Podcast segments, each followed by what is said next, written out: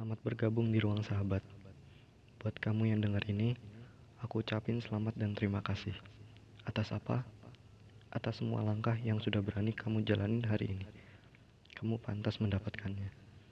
Oh iya, tetap semangat untuk menggapai semua hal yang kamu impikan. Dan jangan dengerin kata negatif dari orang lain.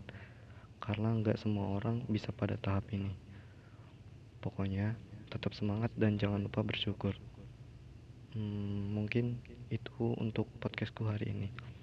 Semangat, kamu gak sendiri.